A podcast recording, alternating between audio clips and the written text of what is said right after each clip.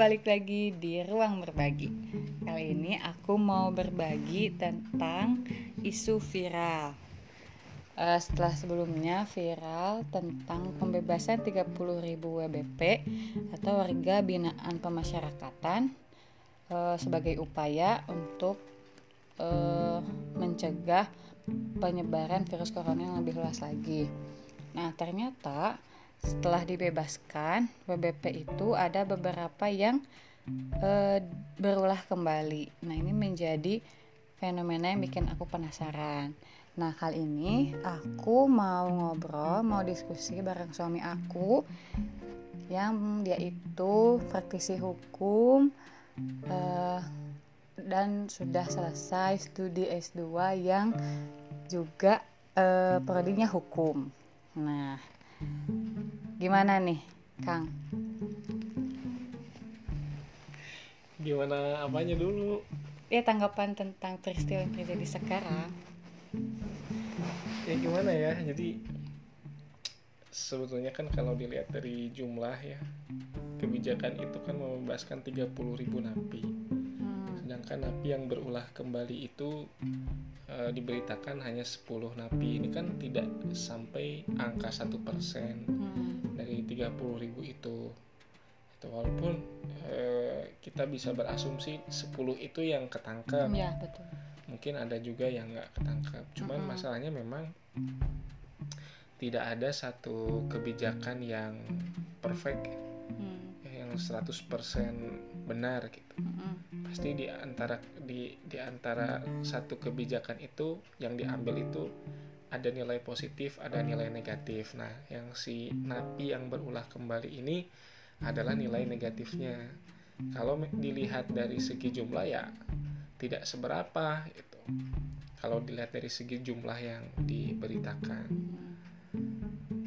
Ya gitu, apalagi ya jadi sesuatu yang uh, masih di batas wajar gitu. Apa? Ya sebetulnya kan e, dilihat dulu 10 napi itu dia itu berulah kembalinya itu melakukan kejahatannya itu kejahatan apa karena kalau misalnya kejahatannya itu hanya e, pencurian yang bersifat tidak terlalu besar ya nilainya misalnya pencurian apa bahan makanan. ya bahan makanan lah atau baju lah atau barang-barang yang tidak terlalu mahal. Itu kan harus dilihat faktor-faktor yang lain. Hmm. kalau misalnya pencuriannya e, perampokan pembunuhan nah itu juga harus melihat faktor-faktor yang lain juga gitu. Jadi seseorang dalam melakukan kejahatan itu banyak sekali faktornya tidak hanya satu faktor. Dan ini sebetulnya diskursus ilmu uh, kriminologi. Kalau yang berita yang aku baca masih ada yang narkoba juga. Kurir kurir narkoba. Oh kirain itu pengguna. Cuma gitu aja tulisannya narkoba aja. Oke. Okay. nah terus mereka itu kan uh, katanya diasingkan ke straf sel atau sel pengasingan. Nah itu itu gimana itu? Jadi kalau orang yang mereka itu kan statusnya bukan bebas penuh ya. Hmm. bukan bebas full bebas tapi mereka itu statusnya adalah bebas bersyarat. Hmm jadi programnya namanya pembebasan bersyarat. Status mereka itu adalah bebas bersyarat. Nah, artinya sebetulnya mereka itu hanya menjalankan hukuman dalam penjara sebelumnya itu dua per 3 masa tahanan. Dan mereka uh, keluar dari penjara statusnya adalah bebas bersyarat artinya bebas bersyarat itu selama ya satu pertiganya lagi. Hmm kan mereka itu menjalankan uh, vonis mereka itu tiga per tiga. Mm. contoh begini vonis si A ini tiga tahun. Mm. dia di penjara udah dua tahun. Artinya dia bisa mengikuti program pembebasan bersyarat ini kan? Mm. karena dia sudah menjalani masa tahanan dua per tiga dari vonis kan dua per tiga dari tiga kan dua. Dua per tiga dari tiga dua. Nah ketika dia keluar statusnya itu bebas bersyarat. Sampai kapan dia statusnya bebas bersyarat? Ya satu tahun ke depan. Satu pertiganya itu. Iya, iya. nah selama dia statusnya bebas bersyarat di luar artinya di rumahnya dia atau di rumah saudaranya atau di tempat dia tinggal selama statusnya bebas bersyarat dia itu diawa harusnya dia itu diawasi oleh petugas lapas jadi dia itu harus lapor ke lapas itu seminggu sekali seminggu dua kali. Harus ada lapor terus ke lapas karena dia bebas Bersyarat. bersyarat dan apabila selama dalam status bebas bersyarat itu dia melakukan kembali tindak pidana dia tidak masuk ke proses pengadilan. Hmm. dia tidak masuk ke proses penyidikan dia tidak masuk kepada proses eh, pengadilan tapi dia langsung dimasukkan lagi ke lapas. Oh, bukan Atau ke sel. sel. Oh. ya kemungkinan dia masuk lagi ke sel ke sel di lapas atau sel isolasi itu namanya atau apa pun itu kecuali nanti tindak pidana yang dia lakukan tindak pidana yang berbeda dari vonis sebelumnya misalnya dulu dia divonis pencurian ternyata setelah ketika dia statusnya bebas bersyarat dia melakukan kejahatan di luar pencurian misalnya eh, dia pemukulan lah an- penganiayaan Hmm. Dia tetap penyidikan dia tetap nanti Hmm. masuk ke pengadilan tapi nanti status bebas bersyaratnya itu menjadi hal yang memberatkan dia Hmm, ya ya ya. Tapi eh, orang yang melakukan kejahatan itu hukumannya sama seperti sebelumnya gitu. Kalau misalkan kan sisanya sisanya setahun nih, Terus dia eh, kembali dipenjarakan, apakah tetap satu tahun masa hukumannya atau dihukum lebih berat dari eh, hukuman awal karena melakukan kesalahan yang sama? ya dia diperberat lah jelas Oh, tapi itu hak prerogatif siapa? Memperberat hukuman. bukan hak prerogatif jadi dia melakukan tindak pidana yang sama dalam status bebas bersyarat Hmm. otomatis dia dimasukkan lagi ke sel eh, apa ke lapasnya menjalani hukuman lagi gitu Selama ya selama satu tahun itu yang tadi dari dua bertiga berarti selama satu pertiganya itu nah ke- kecuali misalnya nanti tindak pidananya itu berbeda atau bisa jadi memang penerapan hukum di kita kan beda-beda ya.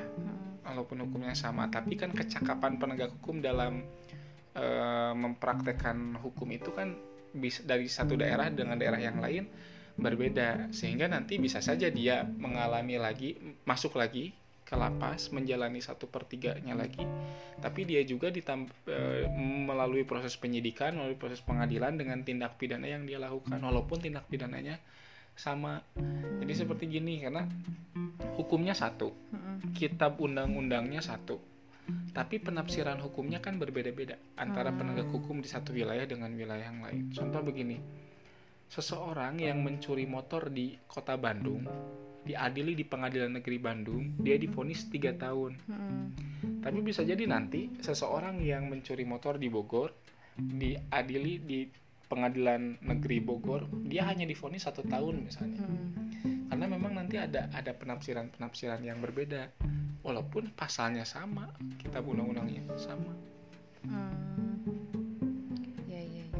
Terus eh, ada di berita tuh ada eh, kalimat kayak gini. Ada yang bilang program ini gagal dan mengancam keamanan nasional. Nah, gimana tanggapannya tuh?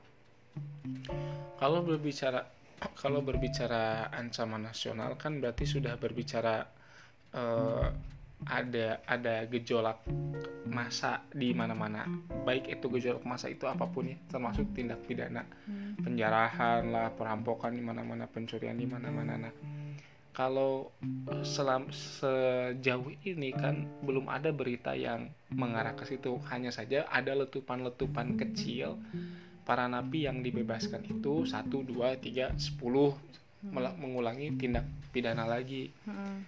kalau ya tadi kalau berbicara apa eh, keamanan nasional Hmm.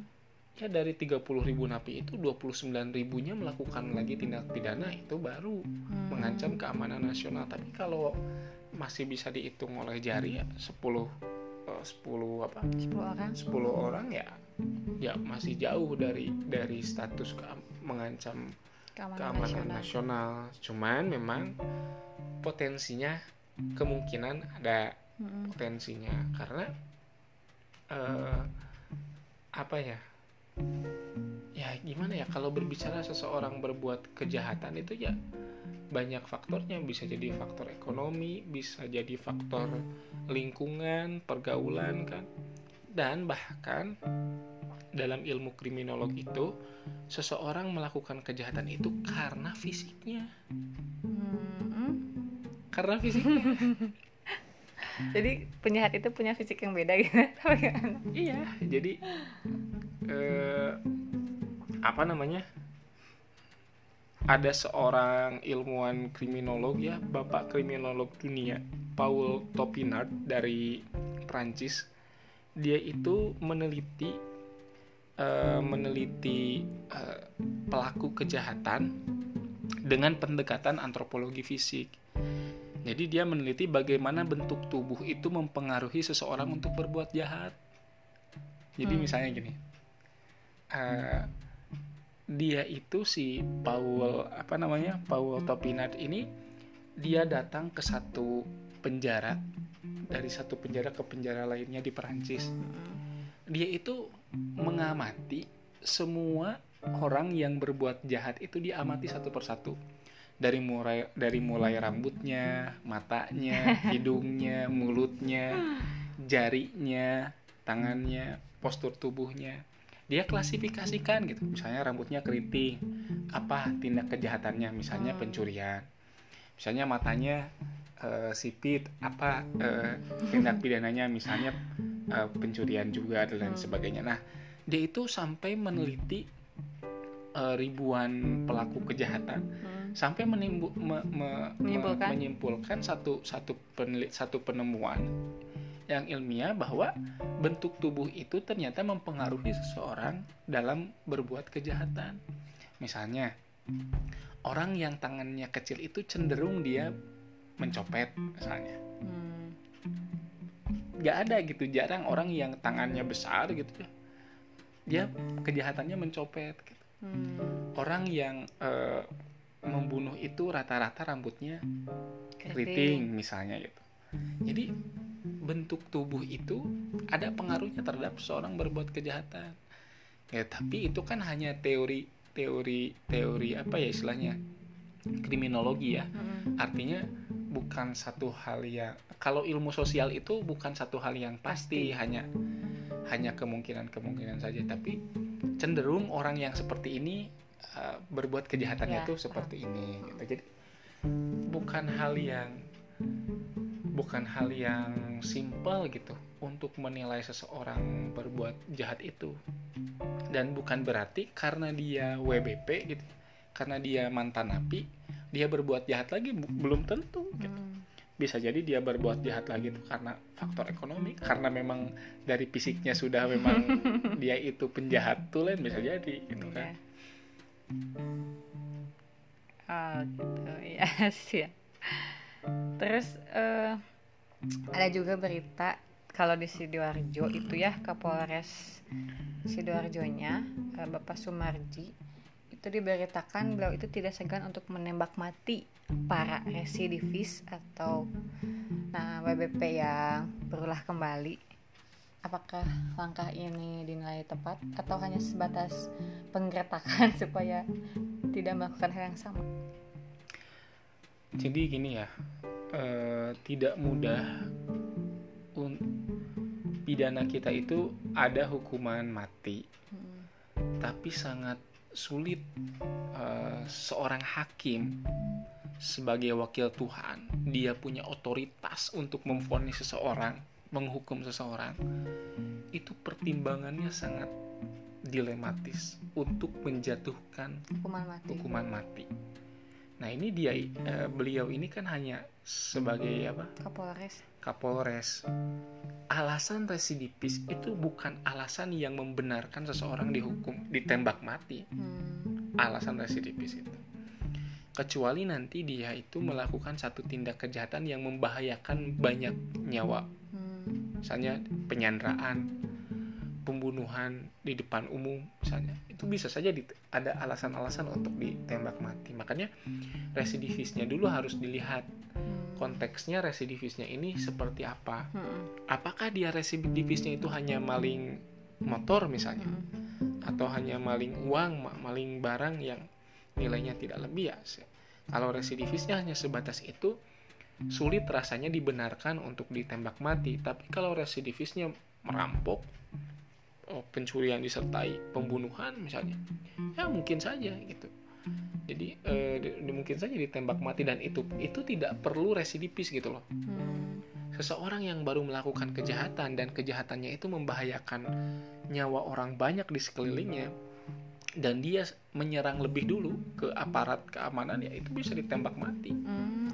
punya kewenangan itu aparat ya punya kewenangan itu diatur juga dalam Mm. Dalam aturannya cuman kalau alasannya residivis tidak segan ditembak mati jangankan kapolres gitu. seorang hakim itu ya yang punya kewenangan mewakili Tuhan di dunia memponis seseorang untuk dihukum Mm. memberikan hukuman mati itu sangat banyak sekali pertimbangannya terlalu berlebihan mungkin ya langkahnya iya terlalu berlebihan statementnya saya rasa itu hanya statement saja Mm. kalaupun dia melakukan berani melakukan hal itu ya nanti dilihat ditinjau ulang apakah perbuatannya itu sudah sesuai dengan aturan internal kepolisian atau tidak sesuai dengan aturan internal kepolisian Hmm. Iya, oke. Udah ngerasa tenang lah ya. Jadi 10 orang itu tidak bisa mewakili eh yang 30.000 ribu napi itu. Jadi negara kita masih aman-aman aja guys. nah, ada eh, pesan yang ingin Kakang sampaikan kepada teman-teman pendengar kita tentang kasus ini. apa ya Eh, jadi kan manusia itu sebetulnya akan terlihat sosoknya itu sosok yang sebenarnya itu ke da- dalam kondisi darurat. Jadi kalau dalam kondisi normal semua orang itu tidak terlihat sifat aslinya. Karena sifat asli eh, manusia itu adalah berdasarkan apa namanya teori kriminologi ya bahwa manusia merupakan serigala bagi manusia yang lain. Homo homini lupus. Itu jadi manusia itu sesungguhnya hanya mementingkan dirinya sendiri dan mengabaikan orang lain. Dan eh, kon, apa sifat asli manusia ini hanya akan dicerminkan dalam kondisi darurat. Itu. Nah, ini juga sebetulnya teori ini juga di apa namanya didukung ya oleh eh, firman Allah Subhanahu wa taala ya dalam Quran surat apa namanya Luqman ayat 33 A'udzubillahi minasyaitonirrajim eh wahsyau yauman la yajzi walidun an walidihi wala mauludun huwa jazin an walidihi syai'an. Jadi kata Allah takutilah satu hari di mana seorang bapak tidak dapat menolong anaknya dan seorang anak tidak dapat menolong bapaknya sedikit pun. Ini kan sebetulnya ayat ini mencerminkan kondisi di hari kiamat. Hari kiamat kan kondisi di mana dunia ini darurat. Jadi itu memang sifat asli manusia itu mementingkan dirinya sendiri dan tidak mementingkan orang lain. Nah, dalam kondisi darurat seperti ini tidak menutup kemungkinan, gitu ya. Napi ini adalah ibaratkan mereka itu mencerminkan sifat asli manusia. Tapi sebetulnya yang memiliki sifat seperti mereka bukan hanya mereka, sebagai Hmm. kita Semua pun manusia. semua manusia dalam kondisi darurat sebagaimana tadi eh, apa teori eh, ilmu kriminologi ya homo homini hom- homo hominis lupus bahwa manusia itu adalah serigala bagi manusia yang lain ditambah firman Allah juga yang menjelaskan tadi ya, Hmm. jangankan seorang saudara an- bapak terhadap anaknya anak terhadap bapaknya tidak eh, tidak dapat menyelamatkan satu sama lain. Maka eh, yang ingin saya sampaikan napi ini sama dengan kita. Mereka manusia. Jangan anggap mereka semuanya bejat gitu ya. karena kita pun sebetulnya dalam kondisi darurat akan bejat juga gitu Hmm. tapi bagaimana kita caranya melihat mereka itu bagian dari kita sebagai masyarakat mereka adalah orang-orang yang berstatus bebas bersyarat Hmm. artinya mereka itu sedang melalui program asimilasi program asimilasi itu jadi mereka itu beradaptasi kembali menjadi masyarakat yang yang normal gitu Hmm. Mereka asalnya masyarakat yang tidak normal karena mereka sudah melakukan kejahatan. Iya.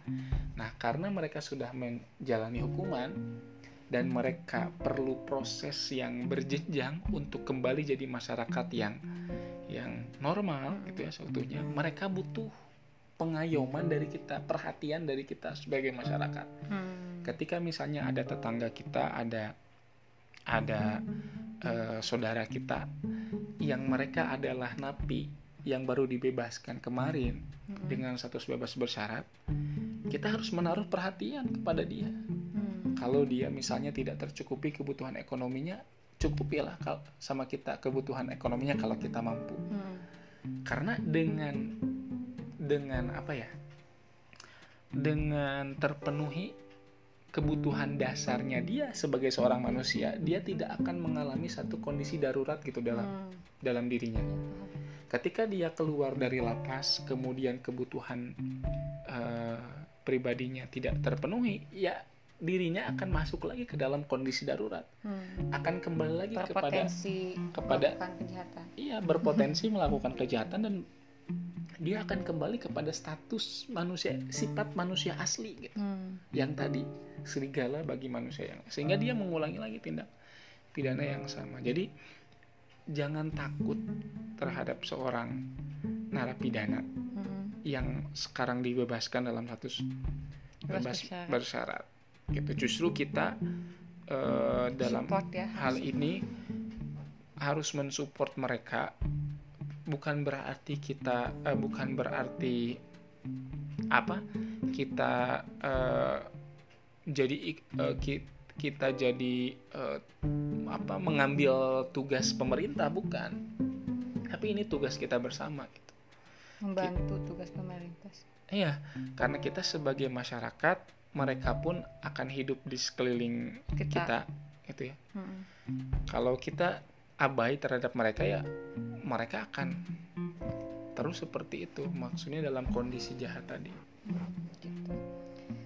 Oke, mungkin eh, cukup jelas penjelasan dari suami aku. Makasih banyak udah mau berbagi di ruang berbagi. Eh, eh, mungkin untuk penjelasan yang pembebasan 30.000 napi itu bisa teman-teman dengar di podcast suami aku namanya Pemuda Bicara.